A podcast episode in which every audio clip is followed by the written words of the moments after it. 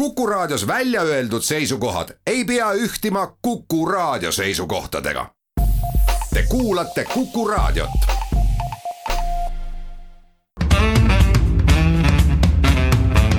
muuli ja Riikoja tere päevast, head kuulajad, kell on seitse minutit üksteist läbi, et on reedene päev, siis loomulikult ka saate Kalle Muuli keeled on selle suures palavuses sõlmes. saade on Muuli ja Riikoja, stuudios on Kalle Muuli Tallinnas ja Hindrek Riikoja Tartus ja siin on küll ilm väga suvine ja kui ma üles tulin, siis oli kakskümmend kaheksa kraadi sooja tere päevast, oma kõrvaga ma ei ole kuulnud, aga, aga ma olen kuulnud kuulujutte, et äh, mõnel inimesel on otse-eetris isegi oma nimi meelest ära läinud, endaga ei ole küll seda juhtunud. Äh, no vot, kui meenutada, siis äh, ühes meie saates ma ütlesin enda nime asemel küll oma isa nime, aga ju sa oled selle unustanud. aga see selleks, millest täna räägime, alustame loomulikult eilsest uudisest, et Terviseameti peadirektor Merike Jürilo astub nii-öelda omal soovil ametist tagasi kuigi tegelikult on ju väga erinevad valitsuse liikmed teda selleks survestanud. Äh, on selgunud siis äh, äh, tõsiasi, et valitsus kavatseb koroonakriisiga põhjustatud majanduskriisi tagajärgede katmiseks võtta viis miljardit laenu kahe aasta jooksul või siis nii kaua kui vaja on, aga, aga umbes selline võiks siis olla see eelarveauk, mida tahetakse katta laenuga. Räägime ka Rail Balticust, Euroopa Kontrollikoda avaldas sellel nädalal oma analüüsi või raporti, kuidas seda nimetada, kus siis äh, ennustatakse, et äh, Rail Balticu rajamine läheb tunduvalt kallimaks, kui seni on planeeritud ja avaldatakse suurt kahtlust, kas see projekt võiks ennast kunagi üldse ära tasuda. neljandaks teeme juttu Töötukassa petturitest, Töötukassa on siis äh, saatnud prokuratuuri kriminaaluurimiseks need inimesed või need isikud ja, ja katsed, mis siis on seotud sellega, et äh, koroonakriisi ajaks ette nähtud töötu äh, või äh, töö, töö, tööhõivehüvitis või, või raha, mida makstakse siis ettevõtetel, kus on palk vähenenud. et seda on püütud välja petta mitmesuguste trikkidega ja, ja räägime natuke sellest ja saate lõpetuseks räägime sellest, kas Maarjamäe memoriaali kõrvale võiks jala äh, rajada Levadia jalgpallihalli või mitte. muuli ja Riikoja.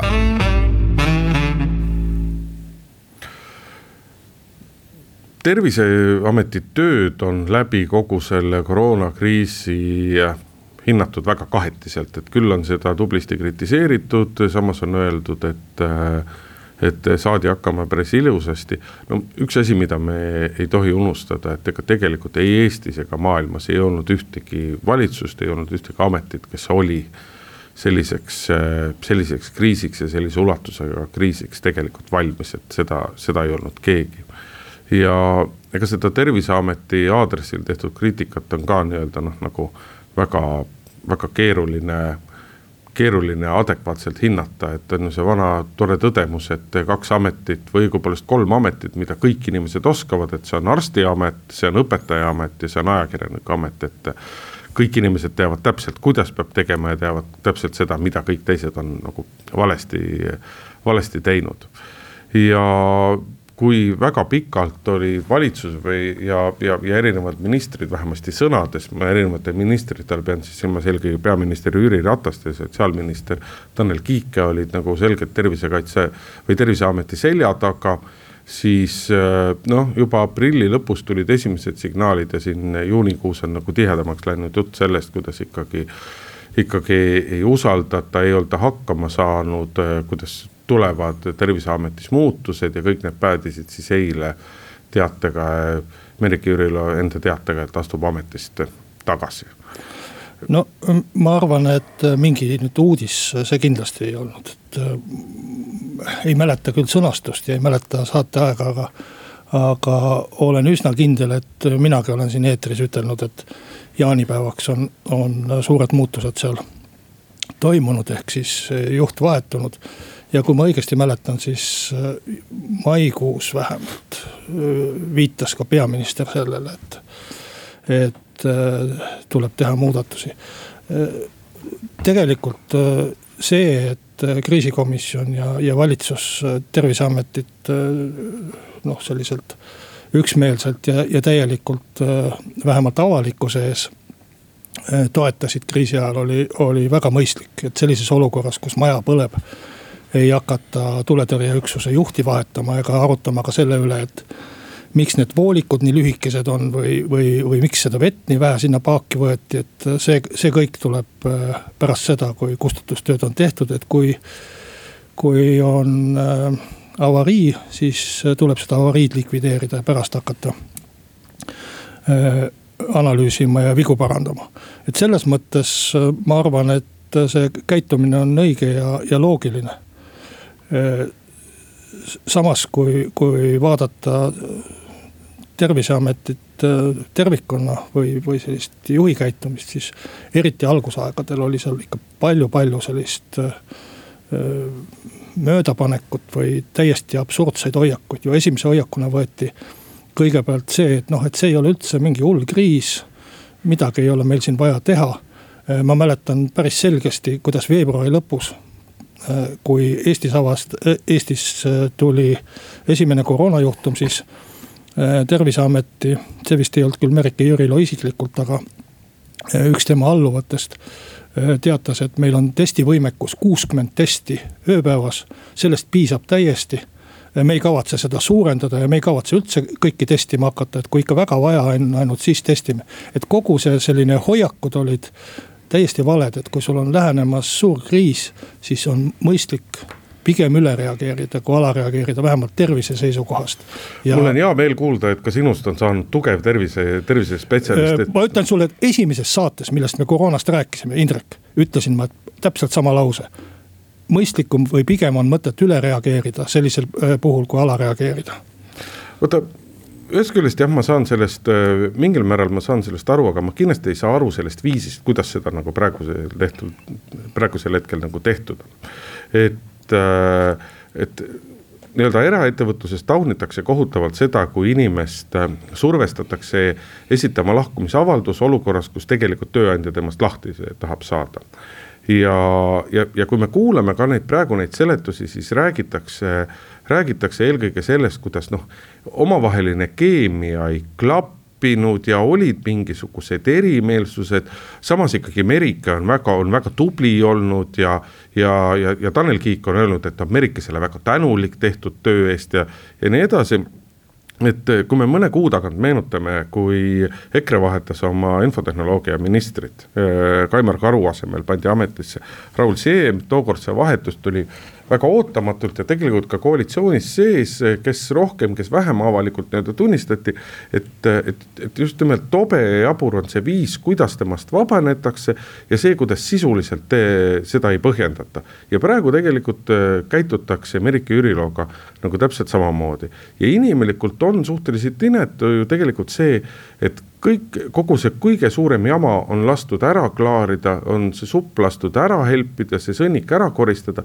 ja nüüd me siis saadame, hakkame rääkima sellest, kuidas see inimene ikka, et kuidas see on ikka kehva, ei ole keemiat ja nii edasi. see on lihtsalt inimlikult on nagu väga inetu no mina ei tea, sellise tasemega juhtide puhul, nagu on, sa rääkisid siin eraettevõttes, nagu on juhatuse esimees ja, ja ka, ka temaga tuleb suhtuda nii-öelda viisakalt ja inimlikult. aga, aga juhatuse esimehele lihtsalt öeldakse, et me, me tavaliselt öeldakse vist, et meie, meie strateegiad või nägemused ettevõtte arengust eh, ei läinud kokku.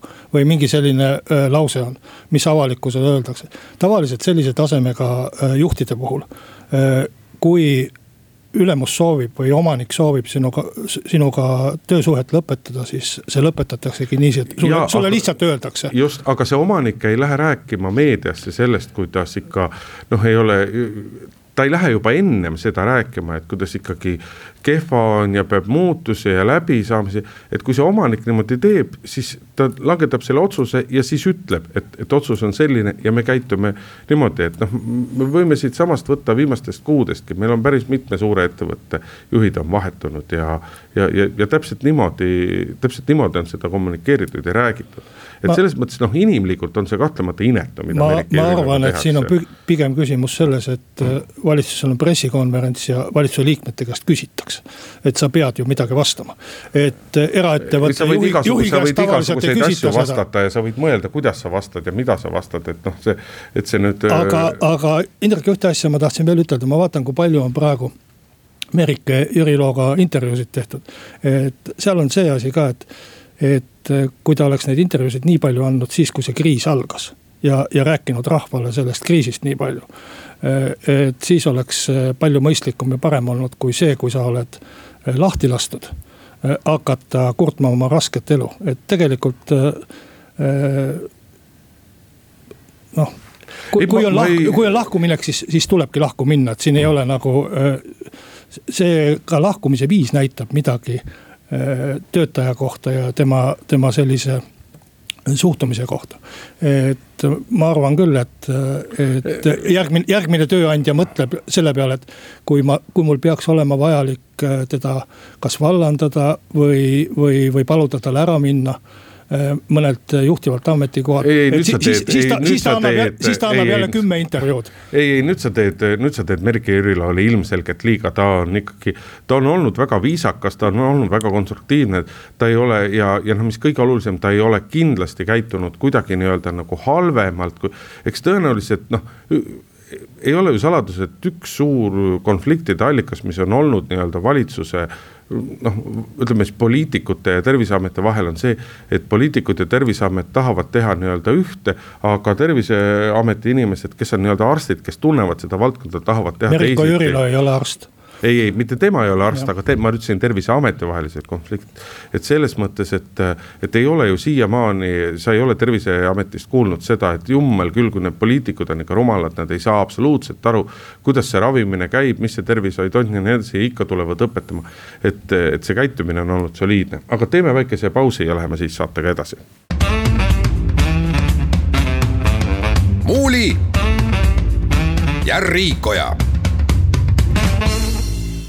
Läheme saatega edasi, Kalle Muuli on jätkuvalt Tallinna stuudios ja Indrek Riikoja Kuku raadio Tartu stuudios. Ja nii-öelda koroona teemadega, millega see Terviseameti teema ju paratamatult seotud on, lähme ka edasi, et valitsus istus jälle maas ja võttis siis vastu nii-öelda noh, eelkõige võib, võib vist öelda, et tegemist on nagu märgilise otsusega, et loobutakse niinimetatud kaks pluss kaks reeglist ja palutakse lihtsalt inimestel olla, olla mõistlikud, hoida nii-öelda hoida sihukest mõistlikku sotsiaalset distantsi. samas suurüritustel käivatele inimeste hulgale kehtestatud piirang ehk siis tuhat inimest võib kokku olla ja see tuhat näiteks kontsertide puhul hõlmab nii külastajaid kui ka kõiki korraldusega ja esinejatega seotud inimesi et need piirangud jäävad, jäävad samas nii-öelda kehtima, kuigi ega siin paljud kontserdikorraldajad ja üldse ürituskorraldajad ootavad, et, et see ka augustist võiks ikkagi see piirang ära kaduda jah, no eh, eks ta teeb eh, lihtsamaks eh, paljude toitlustusasutuste elu. eks ta teeb lihtsamaks kinode, teatrite ja ka väiksemate kontsertide korraldajate elu, kus ei pea enam siis neid toole või pileteid või istekohti niiviisi sättima, et seal oleks teatud vahe ma ise arvan, et, et loosungina see kakskümmend, kaks pluss kaks oli väga hea ja oleks võinud äh, veel edasi olla. meil ju tegelikult äh, päriselus ei olnud sellist olukorda, et politsei oleks käinud äh, see mõõdulind käes ja ja, ja mõõtnud, et kas vahe on nüüd meeter seitsekümmend viis või, või kaks, kaks null viis. no mingitel ja, aegadel ikkagi peaaegu see nii oli. see oli, see oli sel ajal. päris tollipulka ei olnud jah, aga see oli sel ajal, kui tõesti seda vaja oli ka väga täpselt järgida. aga, aga noh, viimases otsas vähemalt juunikuus kindlasti mitte ja, ja ma arvan, et hüüdlausena äh, kaks pluss kaks on väga mugav öelda ja, ja selle asemel hakata seletama, et hoidke distantsi ja üksteisest eemal ja olge natuke kaugemal ja ma ei tea mida. ja, ja selles mõttes oleks võinud see ju kehtima jääda aga ma saan aru, et valitsus ei taha hoida selliseid reegleid, mida tegelikus elus ei täideta ja siis muutub see reegel iseenesest naeruväärseks, noh sellepärast ilmselt siis ta, siis ta ka tühistati. Ja peale selle, et kui on reegel, siis kindlasti noh mõned ettevõtted ka väga püüdlikult täidavad. Ja need ettevõtted on siis, kes reeglit korralikult täidavad, on siis halvemas olukorras kui need, kes ei täida ja keda tegelikult ka ei karistata ega ei nõuta seda täitmist kui siin läbi viimase kümne, kahekümne aasta riik on kulutanud eh, erinevatele nii-öelda nagu turundustegevustele ja mainekampaaniatele kokku väga suuri summasid. ja meiegi siin saates oleme mõnda asja neist kritiseerinud, siis praegu ma küll ei paneks pahaks, kui, kui, kui riik omalt poolt võtaks eh, mingisuguse portsu tarku turundusinimesi kokku ja mõtleks välja, et, et mis võiks olla sellele kaks pluss kaks loosungile samaväärne, samaväärselt mõjus nii-öelda asendus, sest et äh, seda sõnumit, et inimesed peavad olema ettevaatlikud, seda sõnumit tuleb ikka, tuleb ikkagi edasi levitada. sest et noh me ei, me ei taha keegi, et tuleks veel mingisugune nagu teine laine, aga inimeste, inimeste mälu on lühike, on ju siin tuntud ettevõtjadki öelnud, et pange tähele, et kaheksateist kuu pärast ei mäleta enam keegi midagi sellest, et meil oli sihuke koroonakriis. no ma arvan, et äh, kui me siin eelmist teemat meenutame, Merike Jürilood, siis äh, inimesed ei mäleta isegi seda, mis oli veebruari lõpus või märtsi algul. Äh, kui ma, kui ma sinugi juttu kuulan, aga tegelikult esiteks see, et tuleb mingi teine laine, see on täpselt äh, selline sama põhjendatud jutt, kui et tuleb viies laine või ei tule üldse mingit lainet, sellepärast et. ja, ja et ta tuleb just sügisel, võib-olla ta tuleb talvel, võib-olla ta tuleb kevadel.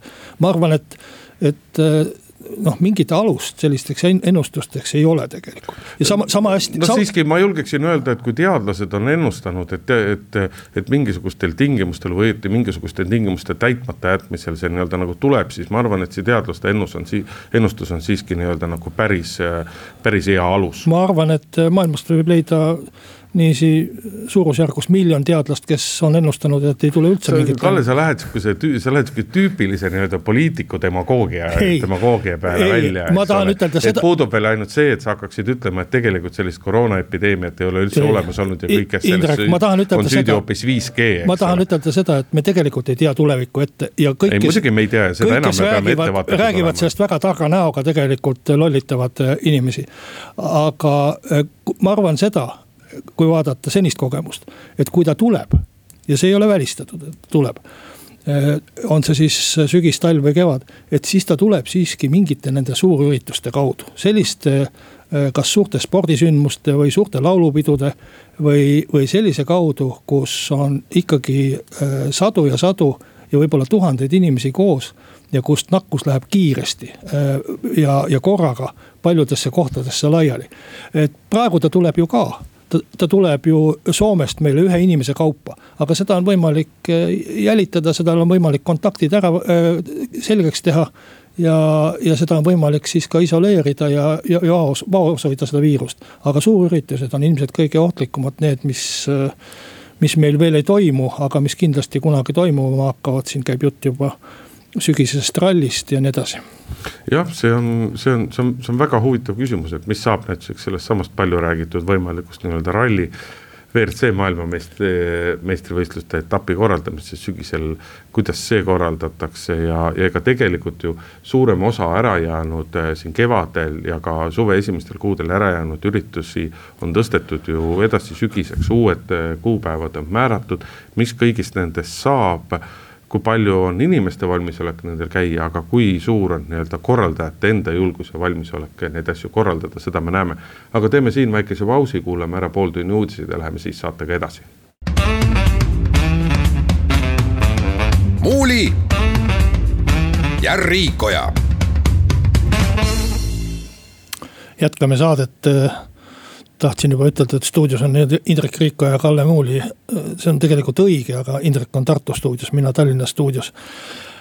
räägime valitsuse plaanist võtta kahe aasta jooksul kokku viis miljardit eurot laenu, sel aastal on siis kavatsus võtta laenu kolm koma üheksa miljardit, järgmisel üks koma kaks miljardit Eh, eks see kõlab nagu peaaegu et eh, surmapatt, et kui eh, alates Mart Laari esimese valitsuse aegadest peale on räägitud, et laenu ei tohi võtta ja riigieelarve on tasakaalus, peab olema tasakaalus ja. ja nii edasi, et hoolimata sellest, et juba kümme aastat tagasi või peaaegu kümme aastat tagasi muutus intressikeskkond oluliselt ja, ja ütleme niiviisi, et laenuvõtjad hakkasid hulga paremas valguses mingis mõttes paistma, sest äh, tundus nagu majanduslikult mõistlik tegevus olevat. ja suhteliselt ohutu ka. siis Eesti on jäänud ikkagi oma kunagiste selliste põhimõtete järgi juurde kuni viimase ajani truuks ja alles nüüd seoses selle koroonakriisiga on võetud noh, sellised esimesed suured laenud majanduskriisist ülesaamiseks ja, ja on neid siis ka suhteliselt niiviisi helde käega igale poole jagatud. Noh, oma põhimõtetele truumaks oleks võinud ju valitsus ja riik jääda ka praegusel hetkel, aga selle nii-öelda eelduseks oleks olnud see, et siin vahepealsed head aastad, viimased kolm-neli kui oleks võinud reserve koguda, siis reserve sellel ajal pigem nii-öelda praegune valitsus ja, ja selle valitsuse eelkäija, kus juhtpartei Keskerakond oli sama Äh, võimul oli, et nemad nii-öelda sellest põhimõttest, põhimõttest ei lähtunud. aga eks ta loogiline loomulikult tänasel hetkel on, et, et pigem riik laenaku, toetagu ettevõtlust, toetagu majandust ja siis on nii-öelda lootus meil kiiremini sellest välja, välja saada, et noh, võiks ju ka eelmise majanduskriisi aegset äh, loogikat kasutada, kus laenu pigem ei võeta ja võetud ja lasti kõigil teistel nii-öelda kiduda aga mis teeb muidugi pisut murelikuks, on see, et see nii-öelda võimalik laenusumma, see on nagu pidevalt kasvanud, alustati jutust miljardist, siis räägiti kahest ja nüüd on ta kasvanud viie miljardini.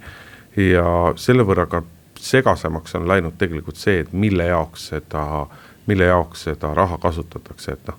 et ilmselgelt ei tohi seda laenu võtta nii-öelda jooksvate kulutuste stiilis haigekassa ja pensionikassa Äh, tühimiku täitmiseks, et sinna seda raha, kui laenata, siis ikkagi ainult nii-öelda tulevikku. mis siis teeme, jätame pensionid välja maksmata, on su ettepanek või? ei noh, küsimus on nii-öelda riigieelarve jaotamises ja, ja, ja prioriteetides ja kõiges selles, et noh, eelkõige. ja eks seal loomulikult mingisuguseid lõdvendusi tuleb teha, aga eelkõige see raha peab minema ikkagi investeerimiseks aga milleks seda nii-öelda täpselt kasutatud on, nagu ma ütlen, et mida suuremaks paisub nende potentsiaalne laenusumma, seda vähem selgemaks muutub no, see, et jaoks seda võin, raha kasutatakse. sel juhul ma võin su kurvastuseks kindlasti ütelda, et osa sellest rahast äh, läheb äh, tõenäoliselt ju laenu või maksuaugu äh, katmiseks. sest on päris ilmne, et majanduskriis ju väljendubki selles, et ettevõtted ei maksa muuhulgas ka nii palju makse riigile, kui, kui nad muidu on maksnud ja kui kui inimesed kaotavad töö majanduskriisiga, siis ei laeku ka sotsiaalmaksu, millest pensionit maksta, eks ju. seda küll, aga vaata seda laenuraha võiks pigem kasutada selle jaoks, et ettevõtetel nii-öelda oleks tööd ja oleks tegemisi ja seeläbi laekuks ka rohkem maksuraha. mitte lihtsalt nii-öelda, et noh, mingi osa peab loomulikult jah, praegusel hetkel, eriti tänasel aastal mingi osa seda, peab. seda, seda ongi ju tehtud, ettevõtteid on toetatud päris palju, aga jutt käibki sellest, et kui ei laeku ja, ja selge see, et kui majanduskriis on, siis ei laeku aga äh, noh, ma tegelikult tahtsin puudutada ka see, seda reservide asja. et see, selle plaani sees, muide selle laenu võtmise plaani sees on ka reservide suurendamine kui ma õigesti mäletan, jah, likviidsusreservi suurendati kahesaja viiekümne pealt kuuesaja miljoni peale. ja stabiliseerimise reservi kahekordistati siis saja pealt kahesaja peale.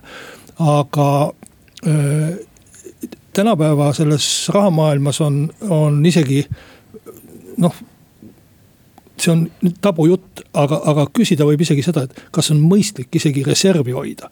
et see rahamaailm on pööratud nii absurdi.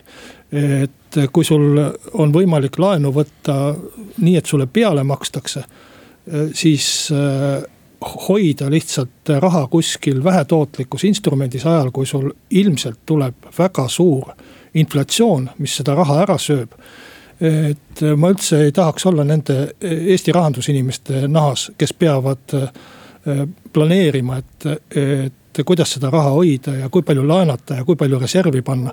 ei Kalle, ma võin, ma võin sulle appi nagu tulla ja öelda, et mingisugused reservid peab igal juhul olemas olema, sellepärast et me ei tea et praegu on tõepoolest laenuraha on väga odav riigi jaoks, aga me ei tea seda, mis saab, millised on need intressid näiteks kolme aasta pärast, viie aasta pärast.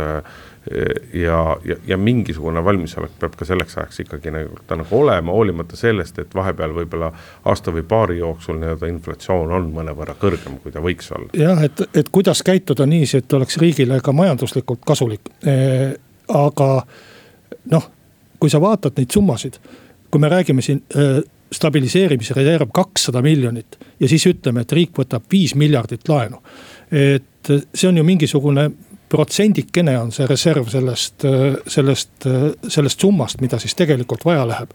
seda on kõik õige, aga, aga me ei tohi siiski unustada, et, et meie riigi, meie reservid on viimastel aastatel väga tublisti kahanenud vastupidi. selles mõttes ka seda kahtesadat miljonit või kuutesadat miljonit nii-öelda tavapärase majandamise korras on, on võimalikult, võimalik suhteliselt kiiresti ära kulutada ka ilma, et meil tegelikult kriisi parasjagu oleks. jah, see on tegelikult kõige suurem nagu mure, et, et loogika peaks ju olema selles, et kui me praegu võtame see viis miljardit laenu ja see on väga mõistlik tegevus.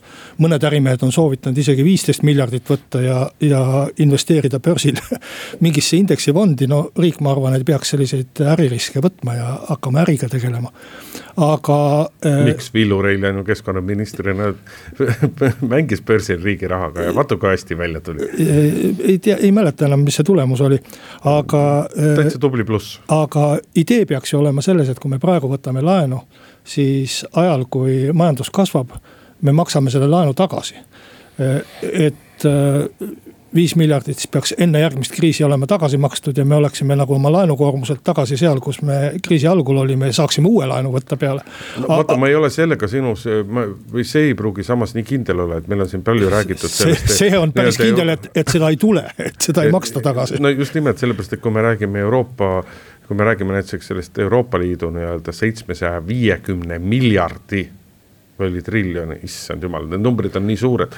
siis tohutult pika tähtajaga laenudest, siis ega need on ka ju laenud, mida tegelikult praegused valitsejad ei, nad isegi ei mõtle sellele, et kas ja kuidas see tagasi maksta, et lihtsalt pigem planeeritakse seda, et küll seda laenu hakatakse refinantseerima mingisugusel hetkel. nojah, ja, ja eks ta ole Euroopas ka nii kuhjunud kehvema finantsdistsipliiniga maades, aga, aga Eesti laenukoormus on ju selline, et me võiksime Euroopa keskmise tasemele, praegusele keskmisele tasemele jõudmiseks veel neli korda või viis korda umbes nii palju võtta laenu, kui, kui see viis miljardit on nii et me võiksime neli või viis kriisi veel üle elada. ja milline on siis Euroopa keskmine tase, seda ei, ei oska küll ennustada, nii et. ma arvan, et kõva inflatsioon on tulemas ja igaüks peaks ka oma kodumajapidamise äh, raha äh, planeerides arvestama nende muutunud finantsoludega. teeme siinkohal väikese pausi, oleme siis eetris tagasi.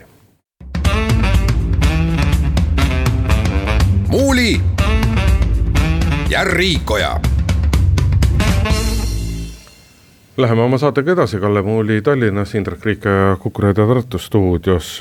Euroopa Kontrollikoda avaldas sellel nädalal oma aruande või kuidas iganes seda dokumenti ametlikult täpselt nimetatakse, aga olulisem ongi pigem mitte selle dokumendi nimi, vaid tema sisu, puudutas see Rail Balticut ja jõuti seal tõdemuseni, et suure tõenäosusega läheb, läheb Rail Balticu rajamine tunduvalt kallimaks, kui see on seni planeeritud.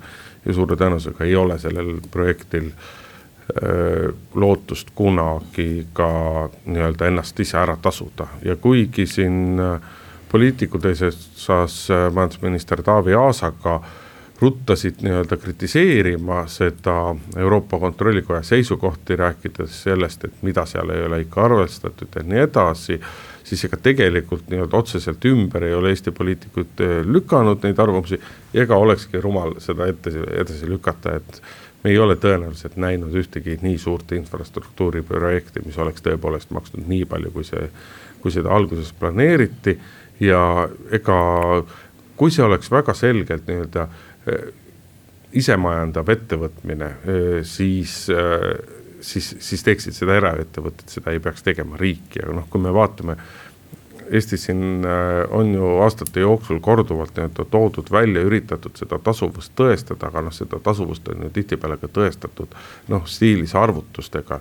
et kui, äh, et kui nii-öelda osa kaupadest liigub maantee pealt ära raudteele, siis väheneb mingisugune kogus heitmeid, siis inimeste elukvaliteet muutub selle arvelt paremaks, elukeskkond muutub paremaks ja vot selle, selle nii-öelda muudatuse hind on näiteks noh, ma ei tea, neli miljardit eurot, eks ole, ja vot selle võib nüüd kohe plusspoolele kirjutada ja nii edasi. et ega need arvutused on sellised suhteliselt äh, ikkagi üksjagu nagu laest võt-, võetud, üksjagu umbmäärased. Ehk, ehk rahalist väärtust on juurde arvestatud asjadele, mida tegelikult ei ole võimalus nii-öelda rahas mõõta. ja selles mõttes, selles mõttes on kahtlemata kontrollikojal täiesti nagu õigus, aga ega, aga see ei ole kindlasti ka nüüd põhjus, nagu siin mõned on juba nii-öelda Rail Balticu vastased on hakanud hõiskama, et vot nüüd on lõplikult tõestatud see, et Rail Balticut mingil juhul rajama ei peaks, et, et kindlasti seda, sellele asjale ka nii läht-, läheneda ei saa. no võiks ju mõelda, et kui Aleksander Teine oleks hakanud arvutama näiteks Peterburi Paldiski maantee või raudtee tasuvust äh, üheksateistkümnenda sajandi teisel poolel, et. Tuleb... mulle meeldib, et sa Eesti valitsejaid nii-öelda väärikate ja, ja sama suurusjärgu inimestega võrdled. ma pigem võrdlesin raudteed raudteega, mitte, mitte valitsejaid, lihtsalt äh, Aleksander Teine oli tol ajal äh, Vene tsaar et kui oleks Jüri Ratas olnud, noh, mis vahet, et, et et kui, kui oleks hakatud siis arv, arv, arvutama seda tasuvust, et Peterburist Revelisse, et, et millal see ennast ära tasub ja kas ta tasub ja. ja, ja ei, parem ärme ikka üldse ehita või, või kui sa püüad mõtelda, hüva, ärme siis valitsejate nimesid nimetame. samas Ameerika Ühendriikides ju valdav osa raudteest omal ajal ehitati just nimelt erakapitali toel ja just nimelt selge arvut-, selgete arvutuste põhjal, et nende asjadega tuleb jõuda kasumisse ja, ja, ja reeglina ka jõuti. noh, seal on ka. mõned suured raudteekompaniid muidugi läksid ka suure kolinaga. tasulisi maanteid, mida Eestis ei ole mis on seal üsna levinud, aga, aga või kui sa arvutad Tallinn-Tartu maantee tasuvust, no, no mis mõtet on seda arvutada, et ega isegi kui me saaksime tulemuseks, et see on eba, ebatasuv, et me peaksime selle maantee ikka tegema. võin sulle, võin sulle ütelda. no ütleme niimoodi, et tegelikult noh, ütleme, et seda tasakaalu kohta tuleb otsida, aga, aga need arvutused ei ole kindlasti nii kivisse raiutud, nagu Rail Balticu puhul nii-öelda poliitikute poolt väita üritatakse. jah, et äh, praamiliiklus Saaremaa ja mandri vahel on kindlalt äh, kahjumis, seda on vaja doteerida. aga Äh, ma arvan, et, et me ei peaks ka väga muretsema selle, äh, selle ehitise maksumuse pärast, et äh, enamik sellest rahast, mis enamik, kaheksakümmend viis protsenti on plaanitud ju tulemas, tulema Euroopa Liidust ja see, kes selle raha paneb see on noh, ka vastutav ja, ja kontrolliv selle eest, meie osa on sealt ka meie, meie kohta päris märgatav aga kindlasti me ei ole ju pearahastajad ega peakontrollijad ja see, et no see, see, see muidugi jäetakse... ei tähenda, et teised maksavad, see ei tähenda muidugi, et siis võib rahal lasta lihtsalt ei, lennata. me peame äh, vaatama sel puhul hoopis teisi aspekte, me peame vaatama oma loodust äh, oma, oma keskkonnaalasid ja muid asju, et me neid ei kahjustaks. kui meile siin teiste rahvaste rahade eest teed ehitatakse, me peaksime vaatama, et me sealt saaksime maksimaalselt kasu et, et see,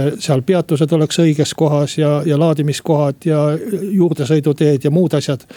ja selliseid asju peaksime vaatama, keskenduma, keskenduma sellele, et isegi selle hinna kallinemise puhul on ju jäetud ära üks oluline detail on öeld-, jäetud ütlemata, et see hinna kallinemine on tekkinud kaheksa aasta jooksul ja kui me vaatame oma hindu või palku kaheksa aasta jooksul. et hinnakasv on viiskümmend üks protsenti olnud sellel äh, raudteel. et siis kaheksa aasta jooksul meil see peaaegu kõik asjad on viiekümne protsendi võrra peaaegu kasvanud, kui ma natuke liialdan ja lihtsustan, et see, et äh, mõni asi läheb kallimaks, on täitsa normaalne. Eesti piiri rajamine läks vist üleöö kallimaks neli korda, mitte ainult viiskümmend protsenti äh, noh, see kallimaks. Need olid ka muidugi erinevad asjad. kallimaks minek võib näidata ka lihtsalt äh, prognoosijate või projekteerijate vigu, mitte seda, et kuskil ehitamise käigus on midagi hirmus valesti tehtud aga selge see, et noh, ka sedasama kontrollikoja raportit tuleb nii-öelda nagu põhjalikult lugeda, vaadata. ja sealt on, seal on nii mõndagi, mida nii-öelda tuleb võtta, tuleb võtta arvesse, aga vot selle Rail Balticuga on natuke ka, ka, ka kindlasti see asi, et kuna nii-öelda tegemist on väga vinna projekti, pika vinnaga projektiga, siis ükski otsustaja, ükski vastutaja ei taju seda nii-öelda lõpuni enda omana ja lõpuni enda vastutusena. ja seetõttu on sinna nagu mingisugune kogus õhku paratamatult sisse kodeeritud. muuli ja Riikoja. jätkame saadet nüüd on siis selgunud, et äh, töötukassa poole ei ole pöördunud mitte ainult need ettevõtted, kes hirmsasti hädas on, vaid ka need, kes on hirmsasti riigi raha tahtnud varastada. Saja tuhande euro väärtuses on siis neid pettureid nii-öelda uurimise alla antud, no ma ütleks, et, et hämmastavalt väike on see summa, kui võrrelda sellega, et töötukassa on kakssada viiskümmend miljonit äh, umbes äh, välja maksnud raha. millest võiks siis äh, äkki järeldada hoopis seda, et äkki on mõned pettused läbi läinud. ja, ja need on avastamata ja, ja ainult siis väike osa on läinud prokuratuuri, noh mingeid andmeid selle kohta ei ole, aga tegelikult ma arvan, et see süsteem on siiski selline, et seal on suhteliselt raske petta, et see ei ole see koht, kus oleks äh, hea ja hõlbus petta, nagu vahepeal oli meil käibemaksupettustega, kus. no vaata, küsimus on, küsimus on ka selles, et mis asi on, et mis asi on nagu pettus, et töötukassa on lubanud, et, et kui see meede läbi saab, siis nad kindlasti viivad läbi ka nii-öelda järelkontrolli, vaatavad, kuidas seda kasutati. et kas näiteks olukord, kus ettevõte deklareerib, et ta on kärpinud inimeste palku äh, kolmekümne protsendi võrra ja ka inimeste tööaega kolmekümne protsendi võrra. ja kui ta sellises olukorras teeb nagu sellise liigutuse, et, et inimene, kes saab kaks tuhat eurot palka, tal kärbitakse sellest palgast maha kuussada eurot ehk tööandja maksab inimesele välja tuhat nelisada eurot brutosummana. halb näide, halb näide, siis ei anta sinna midagi juurde, tuhat oli vist see piir, kust äh, said ei, ei oota, oota, kuule nüüd, kuule nüüd lõpuni. see, see skeem on võimalik, kahe tuhande eurose kuupalgaga inimesel kärbitakse palka kolmkümmend protsenti, see on tuhat nelisada eurot. ja küsitakse tema peale toetust ja kehtib skeem, kus tööandja maksab inimesele tuhat nelisada eurot ja töötukassa maksab brutos veel tuhat juurde. ehk inimese palk on kahe tuhande euro pealt kõpsti hüpanud kahe tuhande neljasaja euro peale. selli-, sel-, sellised süsteemid on läbi läinud ja, ja hulga juristide vasta- seisukohalt on see nii-öelda nagu õiguspärane käitumine täiesti. kas see on pettus või ei ole pettus?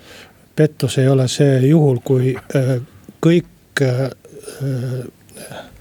kõik maksed ja kõik tingimused vastavad nendele, mida töötukassa on seatud, seatud, et see, see, kui äh, tegutsetakse juriidilistes piirides. ja sa äh, ainult äh, tõlgendad, et tehakse mingisugust sellist äh, skeemitamist. see ei ole pettus, pettus on ikkagi see, kui sa esitad valeandmeid Äh, valetad toetuse maksjale. kui sa esitad kõik õiged andmed ja ei ole midagi võltsinud nendes andmetes ja tegelikult ju palgaandmetes on üsna hästi kõik näha maksuameti ja, ja, ja muude laekumiste kaudu. Et siis, siis see ei ole pettus.